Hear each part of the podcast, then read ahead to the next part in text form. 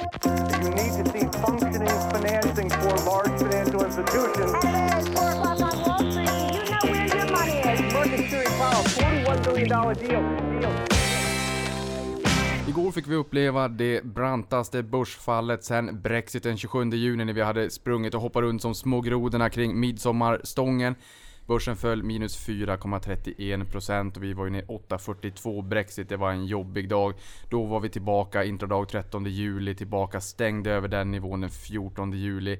Hur det blir den här gången, det återstår att se. Men med mig dagen till här, alltså dagen efter den här jobbiga coronavirusdagen, har jag med mig mina kollegor Gabriel Iskander och Peter Hedlund från Börsveckan. Varmt välkomna hit.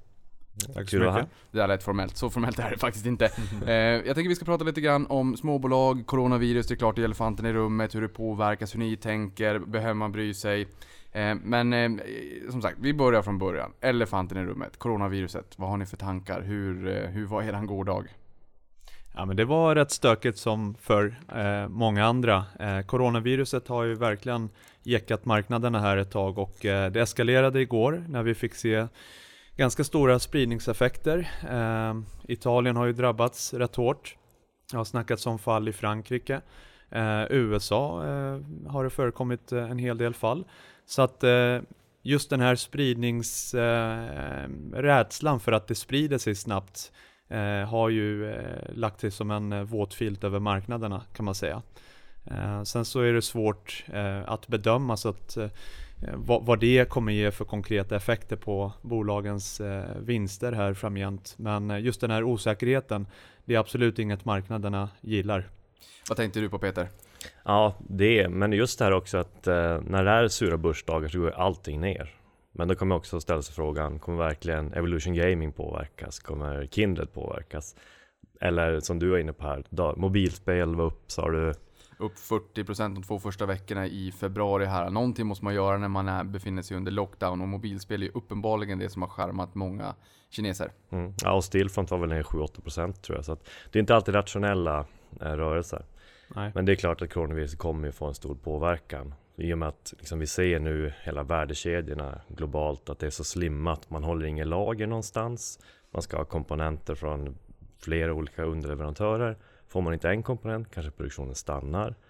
Så att, eh, och sen det här att folk inte går ut då. Man går inte på bio, man går inte på köpcentra. Så ekonomin bromsar ju verkligen in om det blir en stor spridning.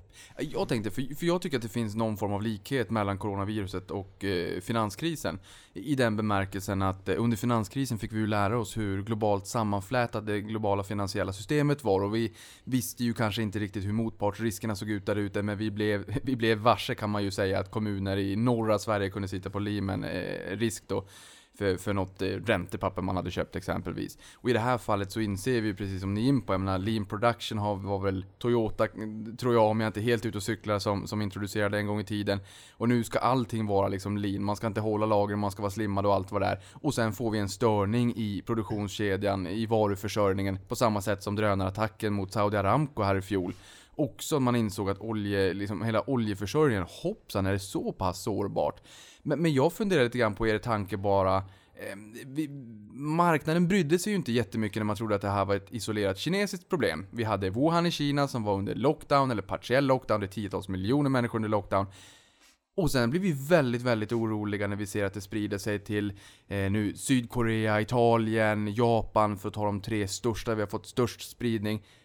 Trots att kinesiska konsumenter är en jättestor konsument globalt och kinesiska produktionen är en jättestor del av varuförsörjningen för bolag vart i världen man än har sin försäljning.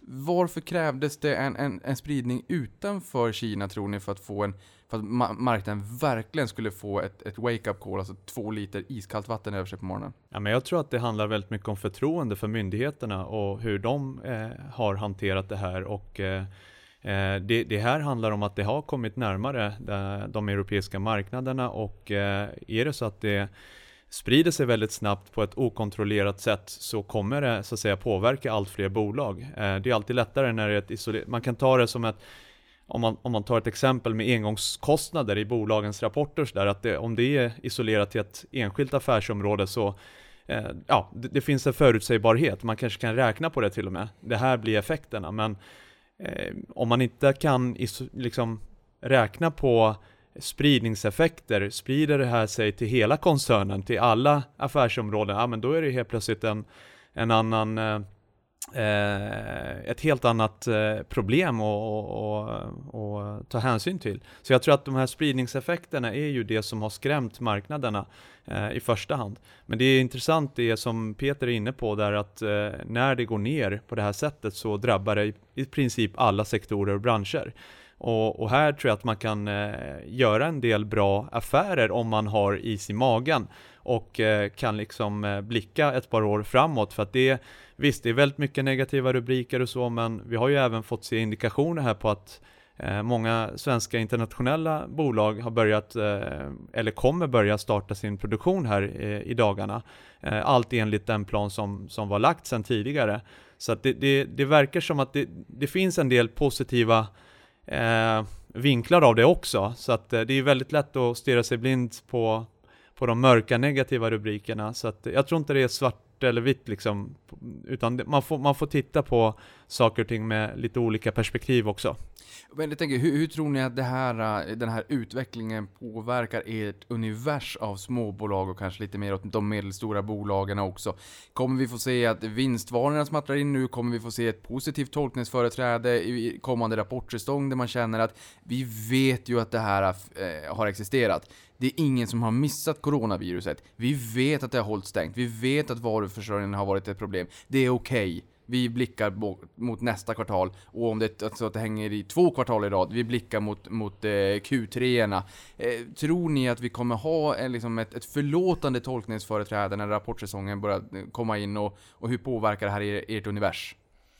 Jag tror nog att bolagen kan ta stryk när du verkligen ser det här i reda siffror också. Men det som Gabriel är inne på, knäckfrågan är ju, blir det en engångseffekt? Och som du också innebär att det förskjuts ett kvartal eller blir det permanenta effekter i kedjan? Och det är om det blir permanenta effekter, då kommer vi verkligen se börsen börja gå ner.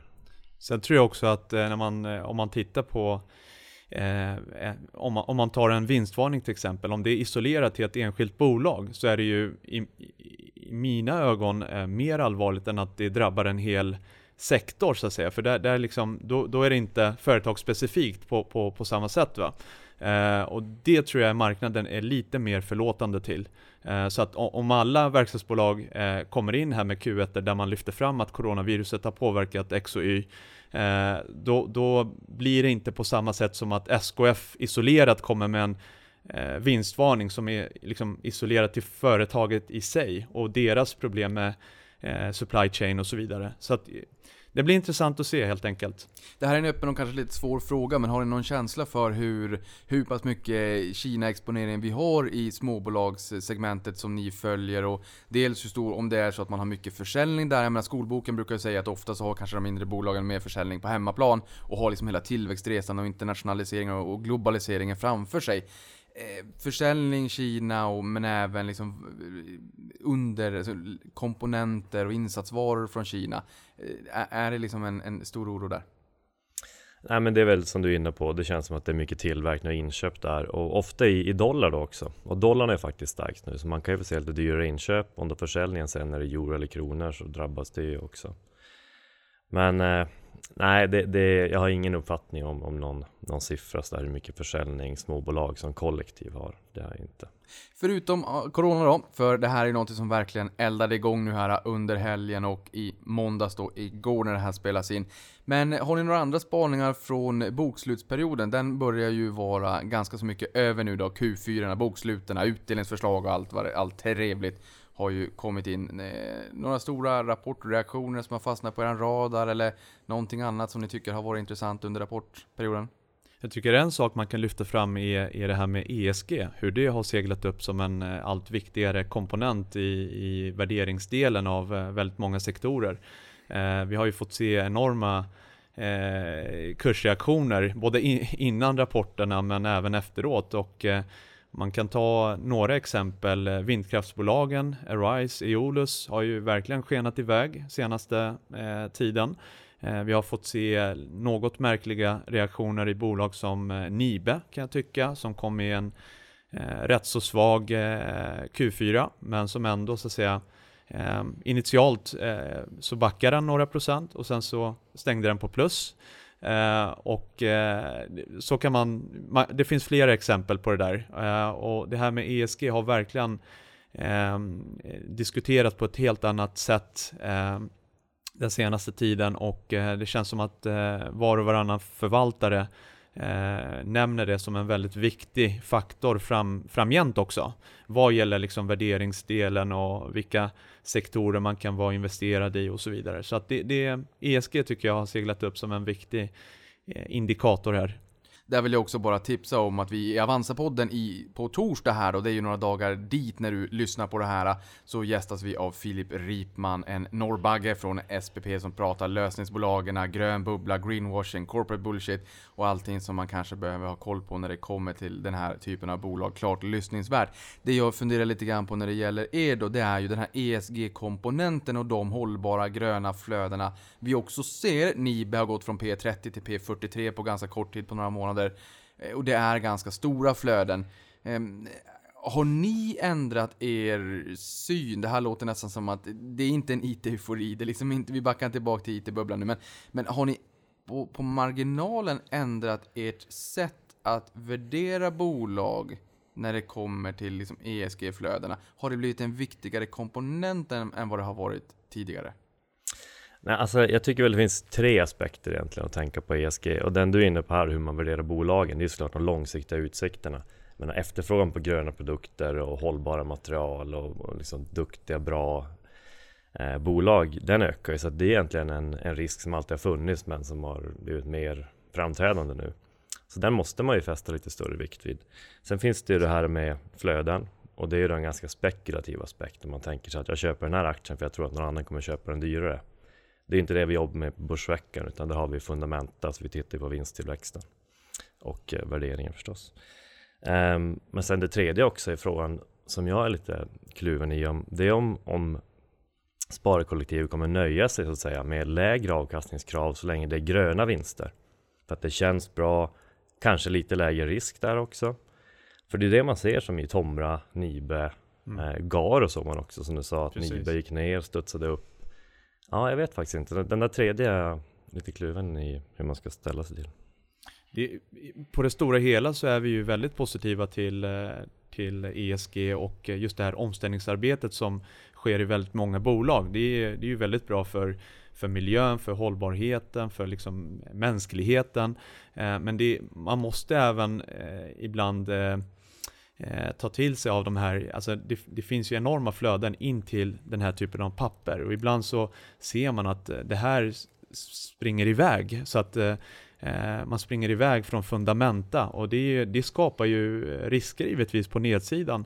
Eh, tycker jag. Och, och tar man ett färskt exempel, eller ett konkret exempel i spelsektorn till exempel, så är det ju så att eh, där har vi ju sett eh, under hela 2019 att det har skett utflöden från sektorn. Det är ju knappt några institutioner kvar. Eh, och det, så att det, det, är ju, det är ju en väldigt viktig parameter att ta hänsyn till. Det, det tittar vi alltid på.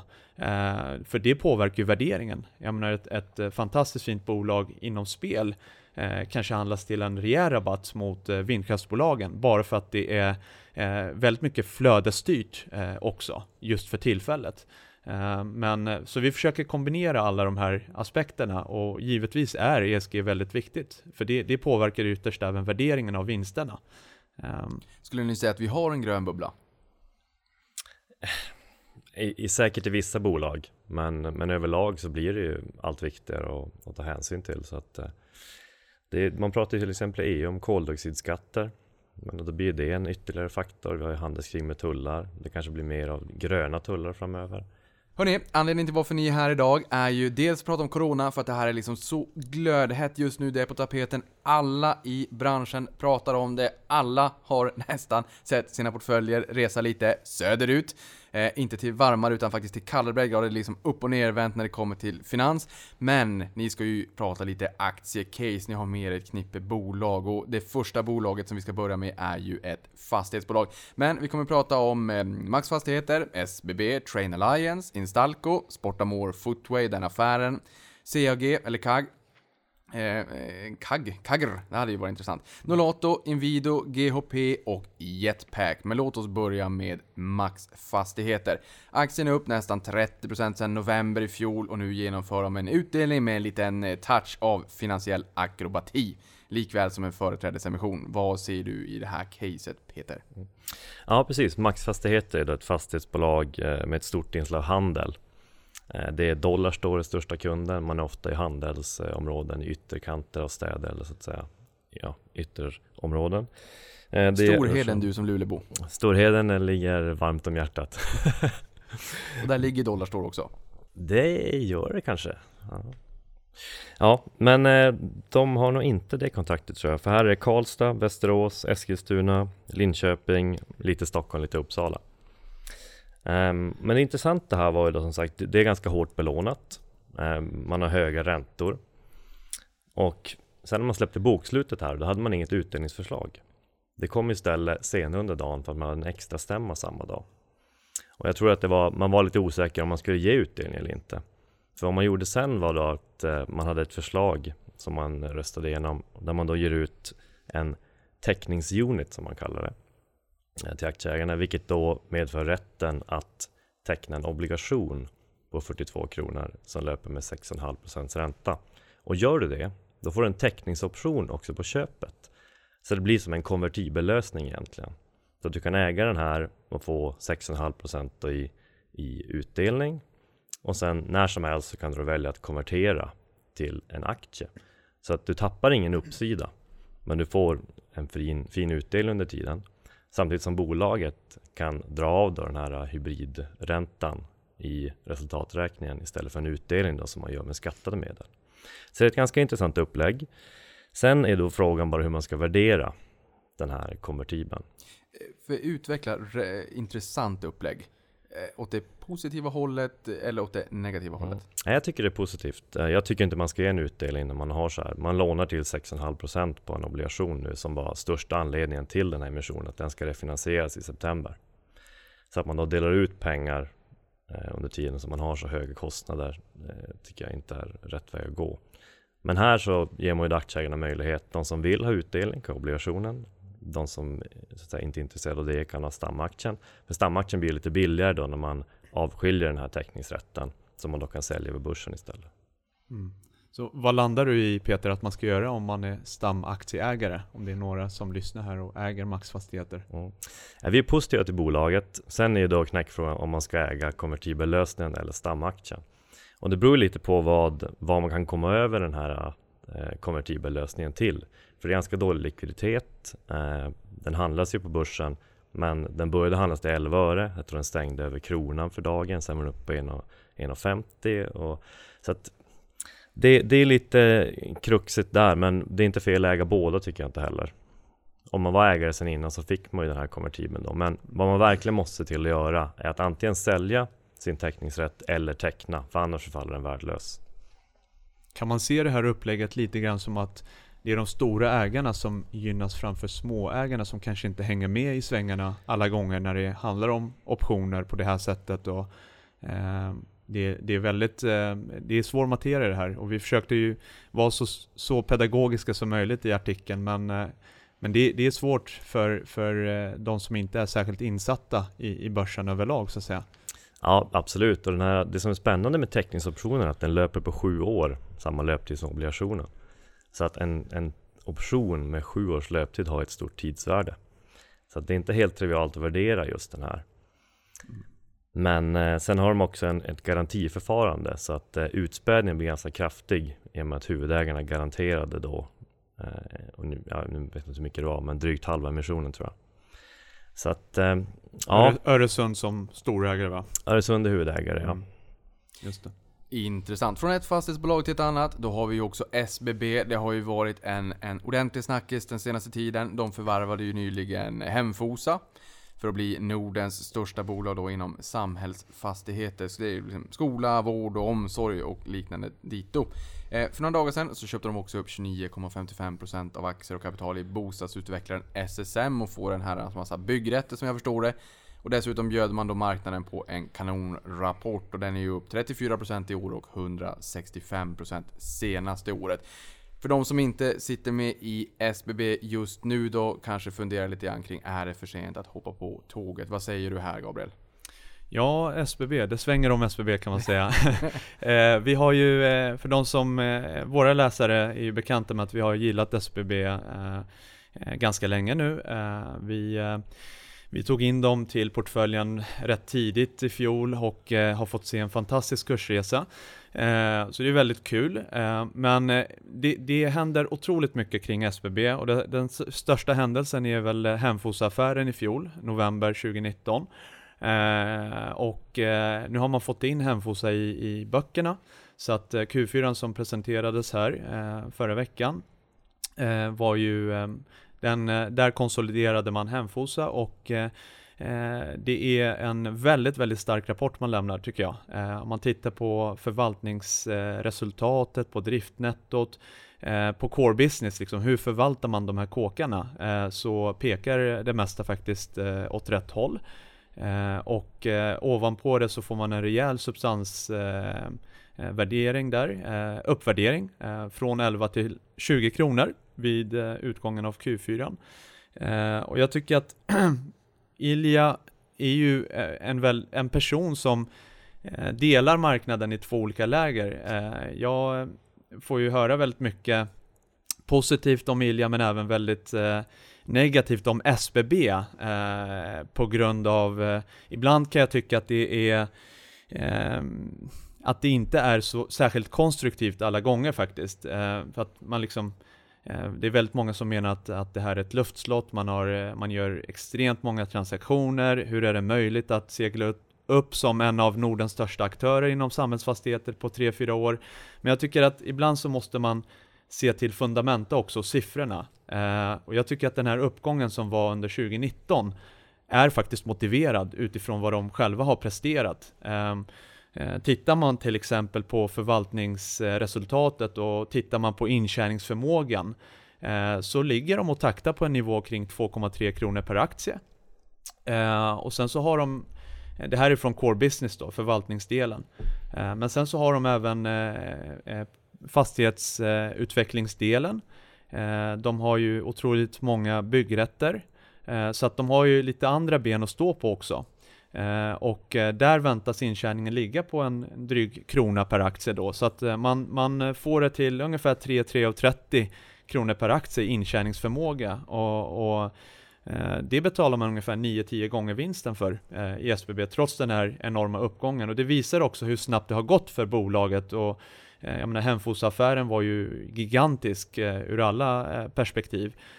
Men det är en gedigen ledning, Eh, alltså en gedigen erfarenhet bland ledningsgrupp eh, i styrelsen. Eh, det är verkligen så att Ilja har samlat ett gäng väldigt erfarna fastighetsmänniskor. Så att, och det man också måste ta med sig, det är, det är faktiskt att de har jobbat ner de finansiella kostnaderna på ett väldigt bra sätt. Så trots att man har gasat på och gjort väldigt mycket transaktioner så ser man att eh, ränteutvecklingen för bolag, alltså det de betalar i ränta, den tickar ju på neråt här och har gjort under hela 2019. Eh, de gjorde en stor återbetalning av banklån på 10 miljarder nyligen, eh, refinansierar sig hela tiden, lånar upp eh, väldigt attraktivt på obligationsmarknaden Eh, och på det stora hela så har de, eh, så att säga, även efter Hemfosa-affären eh, då, så har de lyckats eh, få ner eh, räntekostnaderna. Eh, och det är en väldigt viktig parameter när man tittar på fastighetsbolag då. Eh, för det är den största kostnadsposten eh, för fastighetsbolagen generellt sett. så jag tycker att de gör rätt grejer. Ehm, och jag tycker inte värderingen sticker ut som särskilt hög på intjäningen. Ehm, så att de delar ut lite grann, 0,60. Så man får en direktavkastning på 2%. Eh, de köper väldigt mycket, insiders är eh, ständigt på köpknappen. Ilja köpte ju själv för 50 miljoner här i, i början av året. Eh, så att det är verkligen pilot, pilotskolan här. och det tycker jag hedrar dem. Så att de agerar på ett aktieägarvänligt sätt helt enkelt. Så att jag, jag, jag tror, vi har dem i Börsveckan-portföljen och upprepade faktiskt eh, köprådet här efter bokslutet. Intressant. Vi har ju precis som du säger Ilja Pilotskolan runt 50 miljoner där och har ju också ett miljardinnehav i bolaget. Jag tänker så här, om man tar bort den svenska jantelagen så menar du liksom att titta på fundamenta så, så finns det mycket som faktiskt ändå talar för caset. För Absolut. Är mycket snack som du hör på stan som inte är det, det, är inte relaterat till bolagets performance i första hand faktiskt, utan det är kanske mer till personen Ilja Batljan. Eh, men jag tycker att det här är, det är samhällsfastigheter, det är väldigt trygga kassaflöden, de binder ju upp eh, eh sina hyresgäster på väldigt långa avtal. Vi pratar nio år eh, om man eh, tar hänsyn till de avtal som de ännu inte tillträtt då här i, i samband med Q4, men nio år i snitt. Eh, och de betalar 1,75% i, i ränta. Hade det inte varit för Hemfosa eh, så hade de betalat ännu lägre än så, 1,38%. Eh, och det är ju, det är ju väldigt lågt eh, sett ur hela liksom, fastighetssektorns perspektiv. Eh, de belånar sig, eh, de har en belåningsgrad på ungefär 40% och de suktar efter att få ännu bättre kreditrating här. Um, Uh, och det kan också vara en trigger för aktien faktiskt, när de väl uppnår det. Men jag tycker att det finns ett behov av samhällsfastigheter här i Sverige. Uh, läser man olika studier som eh, SKL har gjort till exempel, och Newsec. Uh, jag kan bara nämna ett exempel här att det behövs ungefär 300 äldreboenden till 2022. det som ligger i pipen nu är 124. tar man gymnasieskolor så behövs det ungefär 120 nya gymnasieskolor till 2022 eh, mot planerade 28.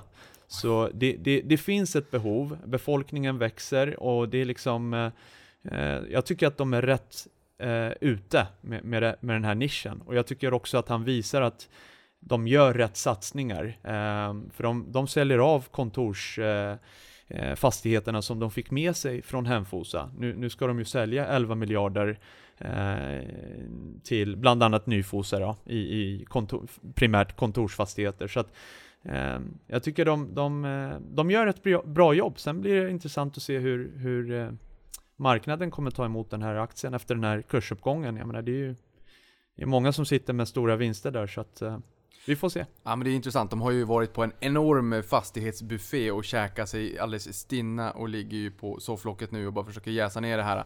Det är intressant som du säger att man ligger på en 36, en 37, en 38 innan affären, en 75, en 76 nu. Och jag hade, det var ju uppe kväll igår, då var Julia Battlan med där och gästade och sa att vi ska definitivt ner till en 36, 78 och kanske till och med en bit under. De lånade pengar på 1% här nyligen, det kanske säger väldigt mycket om kreditmarknaden, om hela liksom det landskapet och den världen vi lever i just nu. Men där har det ju också varit jakten på liksom lite högre kreditbetyg och så att hade vi varit två steg uppåt så hade vi kanske lånat till 0,6 och en kapitalbindning på 20 år. Och, då, och binder upp kapital på 20 år, då bör ju också risken faktiskt eh, minska lite grann om du, om du låser in eh, eh, spreaden mellan finansieringskostnad och, och eh, yielden på fastigheterna just nu i alla fall. Mm. Så är det absolut. Ja, och en annan sak. Tidigare var ju premien väldigt hög i SBB. Um, ehm, men sen förvärvade man Hemfosa då uh, med egna aktier och till en lägre premie så att du fick ju ner att säga, premien på hela det nya beståndet. Och sen avkastningskravet, jag vet inte vad det gav, 4,8, 4,9. Ja, det kanske är lite överkant då om nu samhällsfastigheter är så tryggt med kommuner som garanter och eh, hyresrätter. Så att, eh, Precis. Och det är då... det de är inne på också. Faktiskt. Och på tal om fastigheter, det här är ju ytterligare ett tredje fastighetsbolag, det får man ju ändå säga, det kanske är kantboll in. Det är liksom ett eh, nischad typ av specialfastigheter, det är inte samhällsfastigheter, skola, vård och omsorg, utan det är ju fastighetsbolaget Train Alliance som nyligen listades på First North. Där var jag Avanza med och hjälpte dem som rådgivare till börsen. Det är ju liksom lite fastighetslådor längs våra 15 800 eh, spårkilometer järnväg i Sverige för de här tågen ska ju servas och sådär. Eh, upp 30% som mest i skrivande stund, upp 12,6% från noteringskursen här eh, på 50-lappen den 20 februari. Vad säger du Peter, har tåget eh, gått? Ja, nu har jag inte sett vad kursen var här sist men du sa upp 10-12%. 56 ungefär, det skulle jag vilja säga nu då. Ja, men vi tyckte ju att det var värt mellan 60-65 kronor ungefär som substansen där. Eh, det ser rätt, rätt dyrt ut med multiplar, men samtidigt så har man ju då väldigt mycket mark i Hallsberg, den här järnvägshubben där man kan fortsätta och så att säga förädla marken i många år framöver. Men man får nog se det som ett substanscase, att värdera det här särskilt mycket över substansen, det, det tror jag väl inte man ska göra. Så 60-65 spänn ungefär tycker vi det är värt. Mm. De hade en del intressanta ankarinvesterare också va? Ja, Spiltan och eh, Pryo Nilsson plus befintliga ägare som tecknade sig också. Så det var inte att man gick till börsen för att sälja ut utan mm. man gick till börsen för att få bättre tillgång till kapitalmarknaderna och visa upp bolaget. Mm. För vem köper det här caset då? Jag menar man har, eh, man har jättemycket mark. Det är i Sigtuna och Hallsberg. Hallsberg har förstått liksom tågvärldens eh, mecka. Eh, knutpunkt i Sverige. Men samtidigt så här, man har en massa mark och sen ska det byggas därpå. Och man mm. bygger en depå om året kanske, eller något sånt där. För, för vem passar det här bolaget att investera i? Ni ser att det är ett substanscase. Jag menar, man har fastigheterna men man måste ju liksom ha kåkarna byggda och uthyrda för att det ska börja rulla in kulor så att säga. Mm. För, för vem passar det här eh, caset? Ja, det gör det redan ska man säga. De, de är ju så att säga kassaflödespositiva och eh, just vem det, pass, vem det passar för. Ja, Spiltan är långsiktigheten själv i, i svensk eh, finansbransch. Så att det, är, det är långsiktiga investerare, det är ju. Men även Prio Nilsson är ju en väldigt känd eh, investera inom realtillgångar. Han älskar ju det där. Eh, och, eh, så att det var ju ett kvalitetsstämpel att han hoppar på det här kan jag tycka. Ja, det var det. var en väldigt ren emission sådär också. Inga garanter som tar så att säga, ersättning utan det var ankarinvesterare som bara ville vara med helt enkelt. Mm. Och som du säger, Priya Nilsson också har en fast eh, teckningskurs också så att inga konstiga intervall på 20% och sådär. Nej, precis. Man, eh, man visste vad man fick när man, när man tecknade. Mm. Intressant. Järnhusen är ju konkurrenten och det jag också förstod där det är ju att snittåldern på de här depåerna i Sverige är 70 år. Tågen ska ju, vi tänker bilen, så här, oh, måste jag serva den en gång om året? Ja men en gång om året det kan jag väl klara då sådär så att säga.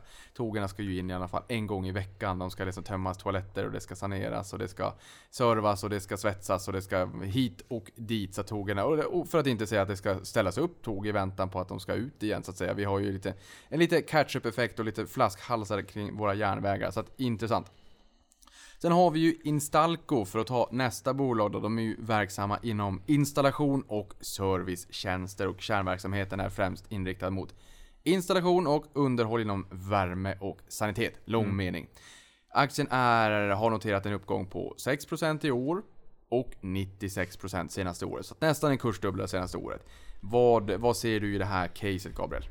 Ja, Instalco är ju också en liten favorit för oss. Eh, vi, eh, vi tycker det är en, en eh, väldigt attraktiv affärsmodell. Det här är en compounder, de köper ju bolag på rullande band.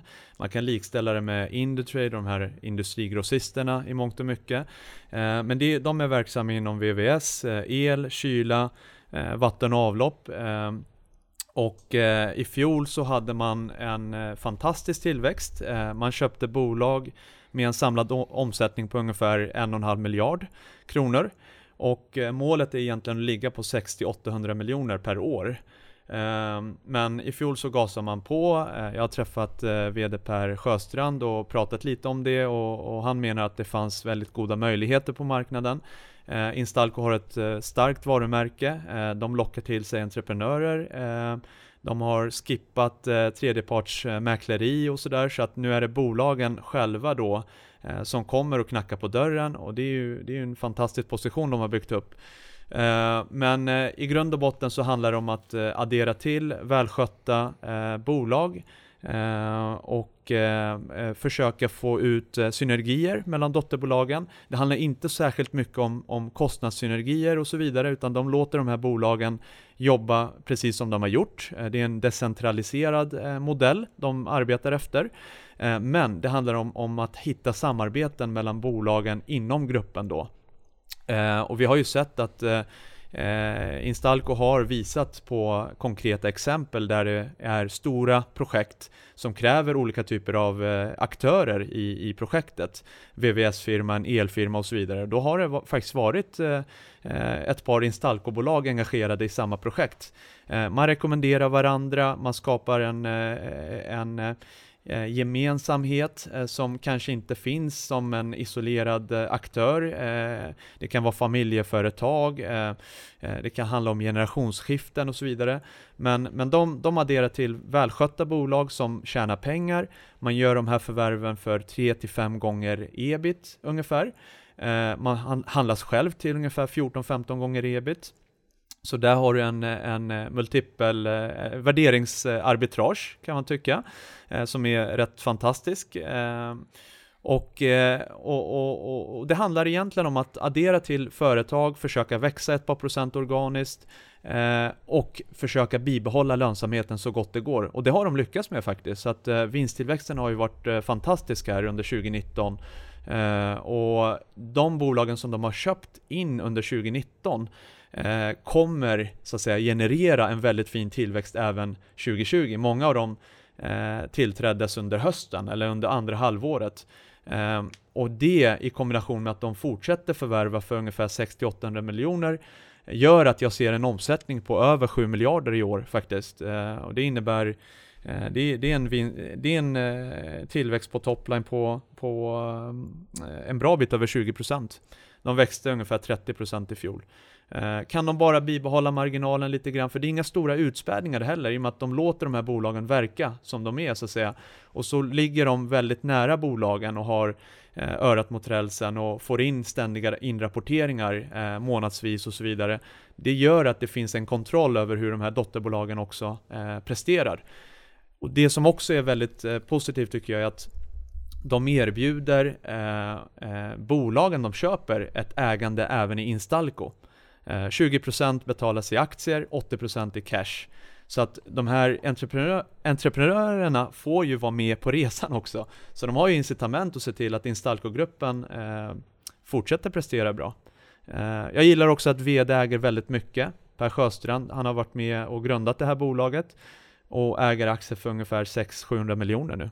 Eh, näst största ägare. Så att eh, återigen pilotskolan, en förutsägbar affärsmodell, eh, verksamma inom en nisch som ändå växer några procent. Det finns stora behov där ute, infrastrukturmässigt och så vidare. Och de köper bolag på rullande band till mycket lägre eh, värdering än vad de själva värderas till. Då. Och ger de här fina incitamenten också med 20% aktier i Instalco så att man får känna att man får vara med på resan och kanske till och med stanna kvar i det bolaget som man säljer till Instalco då.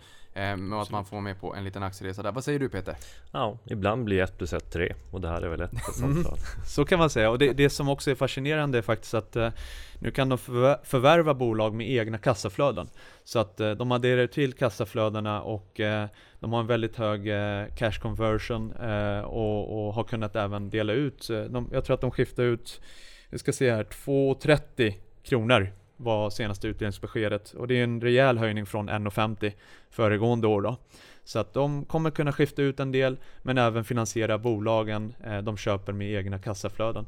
Så 3-5 gånger ebit och sen tar värderingshissen rakt upp till, till den värderingen som Instalco har på börsen. Låter ju trevligt. Det som jag tänker mig i det här fallet är väl också att eh, Eh, serieförvärvare, då är det ju viktigt att man är duktig på att inkorporera de här eh, förvärvarna som man gör och liksom integrera dem. Är det är det så att det går in under ett och samma flagg eller är det liksom en decentraliserad hållning till de här bolagen och har de varit duktiga på det här historiskt? De jobbar ju med en decentraliserad modell och de låter bolagen verka under egna varumärken. Eh, det kan vara liksom Björnes El, eh, en del av Instalco så att säga. Eh, Bravida har ju en helt annan modell. De jobbar ju väldigt mycket med centralisering och det är ju, de är ju verksamma inom samma segment då. Så de har ju valt en annan modell och, och jag kan tycka, ställer man bolagens performance här under 2019 mot varandra så ser man att Instalco presterar klart bättre.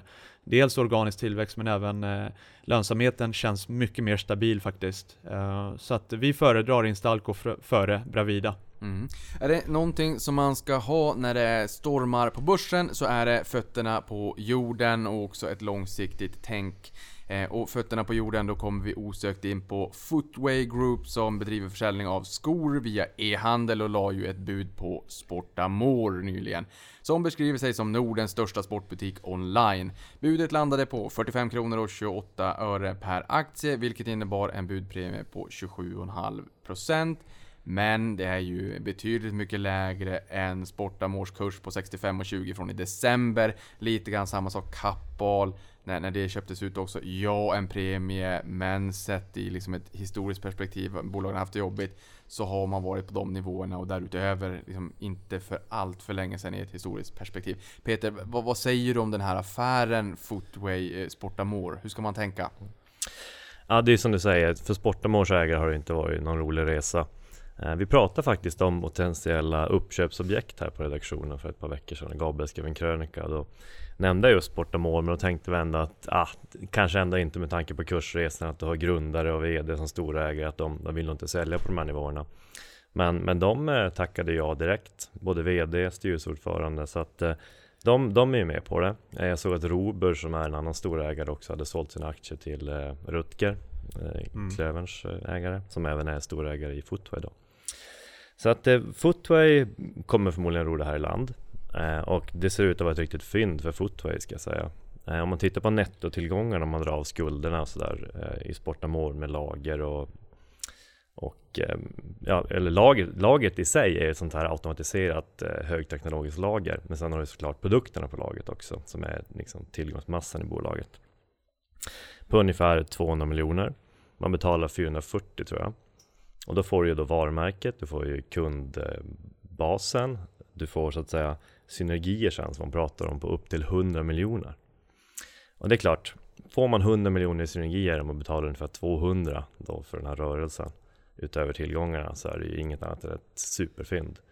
Sen kan man då ifrågasätta, får man verkligen ut 100 miljoner? Tittar man på andra e-handlare som Boost, Zalando och så vidare så har de rörelsemarginaler på 2-4 procent. Och här då, slår man ihop den här koncernen så är det en omsättning på 2 miljarder. 100 miljoner då skulle vara en rörelsemarginal på 5% bara i synergier. Så det är jag lite skeptisk mot. Ehm, men ja, kan man få ut hälften av det, då tänker vi oss att det här kanske kan landa runt ev ebit 15 på 2021 års estimat då. För att innevarande år kommer vara fullt av engångskostnader, integration och sådär. Ehm, men så fotoäger också en, en annan sak som är ganska bra. Och det är att huvudägarna garanterar en nyemission för det här köpet på 21 kronor per aktie. Och Footway står idag, eller ja, innan vi gick in då runt 19. Så att man blir inte utspädd på det sättet utan det är faktiskt värdeskapande att få in en emission på över dagskursen. Så att vi tycker det ser intressant ut men, men lite skeptiska mot synergierna här då. Mm. Men ja. Och Footway har ju rätt offensiva eh, ambitioner här framgent med, vad var det, 13 nya marknader som, som de har gått in i nyligen. Ja, i Q4 gick man in på 13 nya marknader. Eh, man I har... ett kvartal? Ja. Eh, de är väl inte så stora än så länge och det är det här fördelen med online. Att du kan ju trycka på knappen bara översätta. En ny hemsida och ha ett lager i Sverige. Ja, och det är det här, de har kapacitetsbrist i lagret. För de har ett tredjepartsleverantör. Så det kan vara ganska lämpligt då att komma in i Sportamors lager. Mm. Så att det, det, finns säkert synergier. Frågan är om de är så stora som man ger sken av. Och just nu så tjänar inget av bolagen några pengar. Jag tror Fotboll hade 15 miljoner på årsbasis. Så det har ett P tal på, ja det är tresiffrigt. Eh, Sportamor gjorde väl ett nollresultat ungefär. Men fascinerande hur de eh, slänger in handduken på något sätt. Eh, Johan Ryding och övriga storägare faktiskt. Eh, Sportamore har ju under många år byggt upp ett ganska starkt varumärke kan jag tycka. Jag har själv handlat där eh, flera gånger och varit supernöjd. Eh, footwear tycker jag inte har lika starkt varumärke men, men nej men det, det, är fascinerande att, jag menar, i, i vår analys så har vi också bedömt det här att om storägarna tycker att det här är bra, ja, då, det är en ganska stark indikator så att säga. I min mening. Vad, vad tycker du Peter? Ja, som sagt lite förvånande. Men eh, jag tycker också om Sportamor som, som kund. Och liksom, har man nöjda kunder, vilket jag vill om inte minst att de har också, om man tittar på betyg på Trustpilot eller prisjakt sådär. Eh, så kan man komma långt på det. Mm. Eh, inte minst, ja, vi är ju lite partiska här, men Avanza till exempel också ett bolag med väldigt nöjda kunder. Och, ja, ja det är det. men alltså Footway känns som den klara vinnaren i det här, kan man sammanfatta det hela med? Ja, absolut. Mm. Och man lär väl ha kvar Sportamore-varumärket förmodar jag också. Mm. Så vågar man trycka på köpknappen eller är det mera avvakta eh, när det kommer till Footway? Ja, vi tycker väl att man, man kan vänta lite som sagt. Det blir ett år fullt av omställningar. Vi är lite skeptiska till hur mycket synergier man egentligen får ut. Så att vi, vi håller väl bolaget under bevakning men eh, Ja, det har, det har, förändrats till det bättre måste man säga. Vi hade faktiskt säljråd i båda Precis. de här bolagen sedan tidigare. Ja. Eh, och, bolag, och aktierna har inte gått eh, särskilt bra heller. Jag tror att båda var back en 20-30% eh, om inte mer. Eh. Ja, Sportamol var back ännu mer, ja. fast där satte vi avvakta i senaste ja. numret när ändå bruttomarginalen studsade upp. Så vi tänkte att nu, nu kanske det ändå mm. vänder upp här. Men sen hade man problem med Q4, man bytte någon sökordsoptimerare och eh, nej, det vart ett riktigt svagt Q4. Man vinstvarnade redan i oktober tror jag nästan. Mm. Mm. Ja. Jo, så, så var det. Eh, och, och, och, därmed kan man sammanfatta det med att eh, vi, vi slopar sälj helt enkelt. Eh, vi tycker att de som äger Sportamore kan ta det här budet och så får vi se hur snabbt Footway kan integrera det här bolaget och hur snabbt de kan få ut de här synergierna. Det är onekligen rätt stora belopp man pratar om. Eh, apropå e-handeln och Footway och, och de här aktörerna så kom ju Boost med en fantastisk rapport här i, i eh, slutet av förra veckan. Eh, hann du kika lite på den? Mm. Ja, som hastigast, men där var det ju faktiskt en rörelsemarginal som studsade upp till 10%. Det är ju knappt som man har sett det bland e-handelsbolagen. Mm. Så att eh, de hade fått ordning på returerna, för det är ju ett stort problem när kunder köper produkter, använder dem, skickar tillbaka dem och aldrig egentligen skapar något annat än bara kostnader för, för bolagen här då. Mm. Så att de hade tagit med hårdhandskarna där, stängt av ett gäng kunder och fortsätter att utvärdera den strategin och det, det ser ut att vara rätt väg att gå. Man mm. hade ändå en tillväxt som var tämligen stark. Vi får dissekera den rapporten och kanske återkomma med en analys längre fram i börsveckan. Det gör vi. Gabriel, från eh, fötterna och fötterna på jorden upp till knoppen och humankapitalet. Du har ju kollat på lite konsulter i allmänhet och CAG i synnerhet. Vad har du för spaningar där? Eh, spaningen är att det är trögt för konsulterna just nu. Eh, jag tycker att bör, i, i, början av 2019 eh, var det ganska bra fart i, inom konsultbranschen. Eh, och eh, sen har det där mattats av eh, ganska rejält i Q3 och framförallt i Q4 utifrån de rapporterna vi har fått se här. CAG är ju en, en sån. vi hade köp på bolaget, och hade förhoppningar om att bolaget skulle kunna växa, eh, dels eh, organiskt men även via förvärv.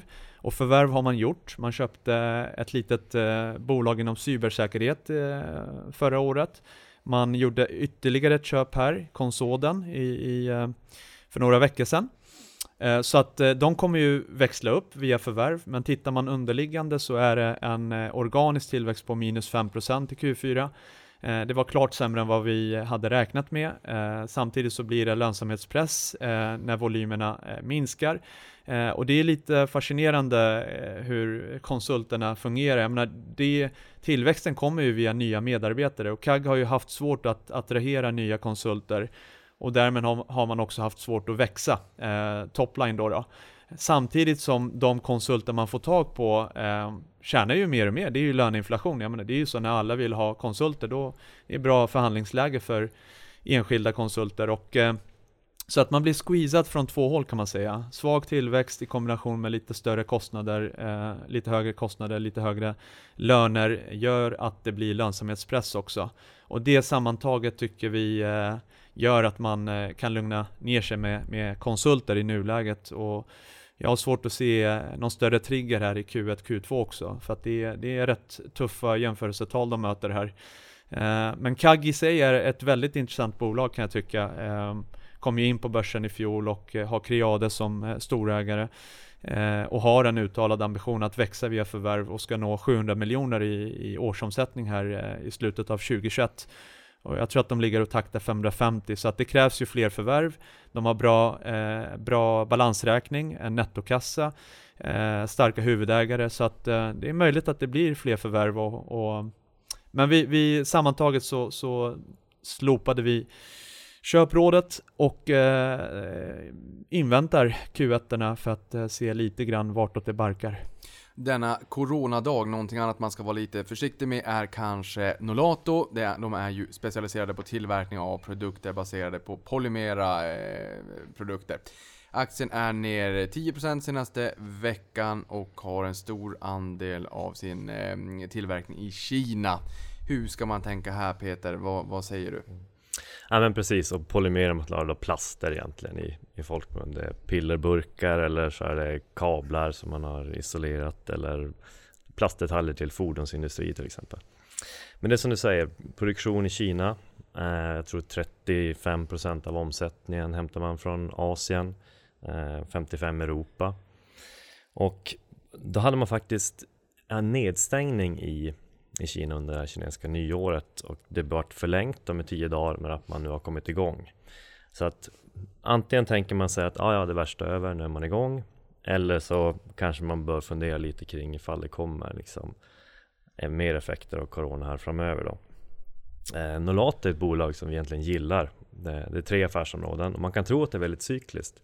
Men man har något som kallas för medical som är då, ja, medicinska pillerburkar eller medicinska komponenter till medicinindustrin.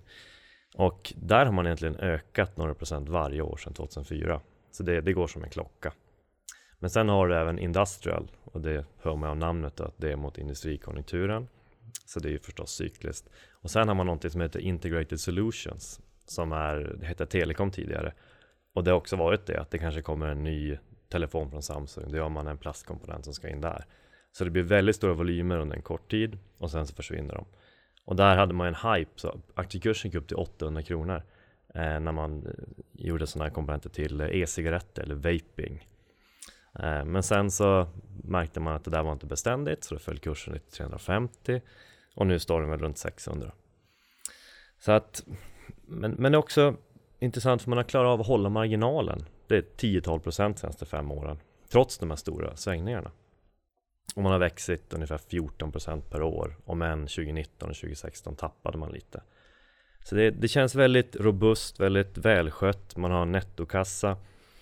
Sen är det ju då det här corona-oron. Eh, det är ändå cykliskt till viss del och det är VBIT 17 vilket är lite högre än börsen i helhet då. Så att vi, vi vill gärna äga Nolaton, vi landar väl i att det här känns lite för dyrt för tillfället. Så att eh, vi avvaktar där. Någonting som man kan ha på, på bevakningslistan i sådana fall. Det man ska, också ska göra när det kommer till börsen och speciellt när det är lite stökigt är ju att titta genom framrutan. Även om det är också bra att titta i backspegeln hur det har varit historiskt. För att historien säger ju ganska mycket om framtiden. Men eh, blicka genom eh, framrutan då tänker vi ju såklart på Inwido. Och där har du kikat lite närmare Gabriel. De har stigit närmare 20% i år. Vad har vi för, för syn på Inwido? Mm. Det är Europas ledande fönstertillverkare eh, med en omsättning på 6,5-6,7 miljarder ungefär där någonstans. Eh, det är en koncern som består av 28 dotterbolag. Eh, det är också en bransch som är väldigt, väldigt fragmenterad. Ehm, tittar man ut i Europa så vimlar det av små fönstertillverkare. Eh, och det här gör ju också att det blir väldigt stora skillnader mellan olika marknader. och det, det är fascinerande hur när Inwido själva säger att snittorden ligger på ungefär 2-4 fönster. Eh, det, det, är knappt att man tror att det är sant, men, men eh, det, det, är fakta.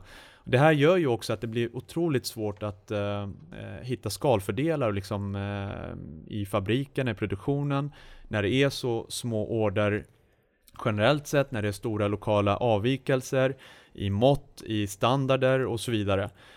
Det som har hänt i Inwido var ju att de fick in en ny VD efter Håkan Jeppssons hastiga Eh, ja, han avled ju eh, väldigt hastigt där eh, och eh, de fick in eh, en ny VD i form av Henrik Hjalmarsson som faktiskt ställde om affärsmodellen kan man säga i Inwido. Från att ha varit väldigt väldigt mycket stark fokus på centralisering till att jobba mycket mer med en decentraliserad styrmodell där man ger dotterbolagen ett större ansvar, ett större resultatansvar Eh, och eh, man har delat upp eh, koncernen i två olika affärsområden, Nord och Syd då. Syd är framförallt kontinentaleuropa, Nord är, Sverige och grannländerna. och så att man har gjort en omställning under 2019. vi började kika på det där under sommaren och tyckte att det var intressant. Eh, jag tycker att det är helt rätt att jobba mer med en decentralisering här i och med att det är en väldigt speciell bransch, eh, eh, så att säga, i form av små order, lokala avvikelser och så vidare. Så vi, vi såg framför oss att, att, här kan man faktiskt jobba upp marginalen. Vi såg framför oss en, en tillväxt som fortfarande ligger och harvar kring nollan i bästa fall. Och så vart det också under 2019. Men nu börjar bolaget se klart bättre ut lönsamhetsmässigt. Man har rampat upp lönsamheten lite grann, kunnat bibehålla den trots en väldigt svag topline och nu ska man börja förvärva återigen. Man har en hygglig bra balansräkning eh, och det här bolaget eh, har väldigt starka varumärken i produktportföljen och det får man för ungefär eh, P 9,5 eh, på, på mina eh, rätt så försiktiga estimat. Så att det är ingen, eh, jag tror inte det är en kursraket, men eh, jag tror att om Henrik kan visa att eh, den här omställningen som har gjorts ger resultat i form av lite bättre lönsamhet Eh, och, och, kan de också växa lite via förvärv, eh, då ser det faktiskt eh, helt okej okay ut. Eh, så att kursen har gått, men jag tror att det finns mer att ge. 100 kronor tror jag den kan eh, prestera. Intressant. Tiden går fort när man har roligt. Vi har två bolag kvar, ni har varsitt. Vi börjar med GHP Specialty Care. Verksamma inom vård och omsorg har ju också då fastnat på eran radar. Eh, kanske kan vara kunder till SBB. Det, det, det låter jag vara osett, jag har ingen aning om det. Men vad säger du om, om bolaget GHP Peter? Nej, jag vet faktiskt inte heller, men jag tror nog inte det. Det, det är ganska små specialistkliniker i regel. Det är ett, ett 20-tal kliniker. Man öppnade nyss en i Danmark, men annars är det Sverige. Och men man kallar affärsområdet Norden, så det är väl lite tillväxtpotential och ambitioner att eh, expandera. Men det, det är då kärnverksamheten. Sen har man också en intressant verksamhet där man driftar kliniker i Mellanöstern, eller större sjukhus. Eh, där man är i Förenade Arabemiraten och nu fick ett nytt avtal i Kuwait. Och det här är höglönsamma eh, avtal. Och man anställer också en ny chef för det affärsområdet och man har haft besök av Saudis hälsominister vid åtminstone ett tillfälle, kanske två till och med. Så att det, det kan komma ett till avtal där, vilket skulle lyfta lönsamheten avsevärt. Och sen har man också en intressant lösning för försäkringsbolag, för det blir ju mer, mer och mer privat vård. Och vad man gör där är att det kallas för vårdsamverkan, kanske jag ska nämna då. Och då tar man in den klumpsumma från försäkringsbolaget som är Trygg-Hansa och eh, Skanska. Nej, Skandia. Skanska har något helt annat. Um, och då, då, eh, då har man ju incitament att effektivisera vården. Man tar ju ansvar för hela vårdkedjan då. För den här patienten betalar till försäkringsbolaget och vill ju såklart bli frisk och få operation och rehab och hela paketet liksom. Så det här gör man väldigt bra och där ser man att förlusterna minskar och minskar för man investerar i digitala produkter, man eh, investerar i liksom, effektivare möten mellan läkare och patient och de här bitarna. Eh, bör vara väldigt ocykliskt. Eh, finns en lite oro såklart alltid med politiska regleringar. Som vi såg, man la till moms eh, för privata kliniker som inte landstingen då behöver betala. Men överlag tycker vi att det känns som ett väldigt bra val på en, eh, en orolig börs. Mm. Sista bolaget då, det är ju Jetpack som kom in på börsen ganska nyligen. Transportlogistikbolaget Jetpack då. Eh, här skojade vi lite grann innan vi började på det här med lean production är ju kanske spelar rakt i händerna på Jetpack. Vad vet jag, det ska levereras paket till, till höger och vänster. Aktien är upp 13% year to date. Vad eh, har vi för syn, eller vad har du för syn på det här bolaget? Eh, bolaget kom in eh, eh, i eh, december 2019 2018, eh, sorry, och gjorde en väldigt klen eh, debut. Eh, handlades länge under introduktionskursen, kom med en rad svaga rapporter, var riskkapitalägt innan. Eh, men eh, efter kurstappet där så började vi titta lite på den under sommaren och eh, Eh, de har en, en väldigt duktig VD i form av Kenneth Marks. Eh, eh, och det, det som Jetpack eh, håller på med, det är ju det är precis som du är inne på, det är, de är experter på spontana försändelser då, via framförallt flyg. Men man har även väldigt mycket marktransporter. Eh, men det här bolaget, eh, alltså dess komparativa fördel, det är ju framförallt att matcha utbud och efterfrågan vad gäller logistiska försändelser, alltså eh, transporter och så vidare. Det handlar inte om att de äger bilarna som kör runt och så vidare, så att de har ungefär 200 personer då som som just sitter och jobbar med att hitta eh, kopplingen mellan de som ska leverera och där behovet finns då. då. Eh, så att eh, man har tillgång till 4000 flygavgångar eh, varje dag. En extremt slimmad kostnadsbas. Det är väldigt hög andel rörliga kostnader. Så att det är låg kapitalbindning. Eh, och det här gör också att bolaget kan dela ut en, en, stor del av vinsten, vilket de gjorde här nu med 4 kronor per, eh, per aktie i utdelning. Vi hade dessförinnan tippat på ungefär 2,75-3 kronor i bästa fall. De drog till med 4 kronor, eh, har ändå en väldigt gedigen balansräkning. Eh, branschen växer 4-5% varje år. De är väldigt starka i Norden, och eh, har kunnat jobba upp lönsamheten även där. För 2019 var ett omställningsjobb, eh, eh, sorry, omställningsår där de stängde ner olönsamma kontrakt. Man stängde ner i, eh, i bland annat Holland. Eh, så att det hämmade ju tillväxten men fick ju den underliggande lönsamheten att ticka på uppåt då. då. Och nu står man vid ett nu, nu ska man helt enkelt börja förvärva och växa topline också efter att ha etablerat en väldigt fin lönsamhetsnivå. Man köpte ett danskt bolag, 3D Logistic, eh, här i december. Eh, och det här bolaget sysslar med transporter inom läkemedelsindustrin då, så det är väldigt konjunkturstabilt på det sättet. Och det är också eh, en strategi här framgent att minska konjunkturkänsligheten då för, för Jetpack. Eh, och eh, Eh, ja, sammantaget så ser jag framför mig att det här förvärvet kommer bidra med ungefär 15% i topline Eh, och kan de växa 2-3% som de har gjort 2019, vilket jag tror att de kan göra, eh, ja, då, då, får man det här bolaget för ungefär eh, ev ebita 9,5 på, på våra prognoser.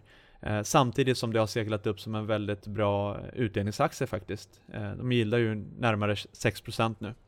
Så att här får man en bra eh, utdelning, en bra direktavkastning eh, till en låg värdering och en trigger i form av fler förvärv också. En hygglig organisk tillväxt.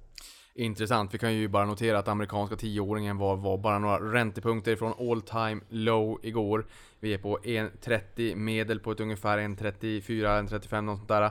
Inte alls långt ifrån all time low. Då har vi en direktavkastning här på 6% och sen kanske vi Eh, med en viss vinsttillväxt eh, tack vare förvärv och, och eh, dylikt kan få en lite högre totalavkastning än de här 6 procenten. Eller tror du att det här är en sån här what you see is what you get, 6 procents direktavkastning, det är liksom totti-avkastningen här långsiktigt? Nej, jag tror att det blir en bra eh, vinsttillväxt också här eh, de kommande åren faktiskt. Just att eh, kunna växa, eh, köpa bolag till klart lägre eh, värdering och eh, försöka jobba upp eh, marginalen. De vill nå 12% marginal. De ligger och taktar på ungefär 10-10,5.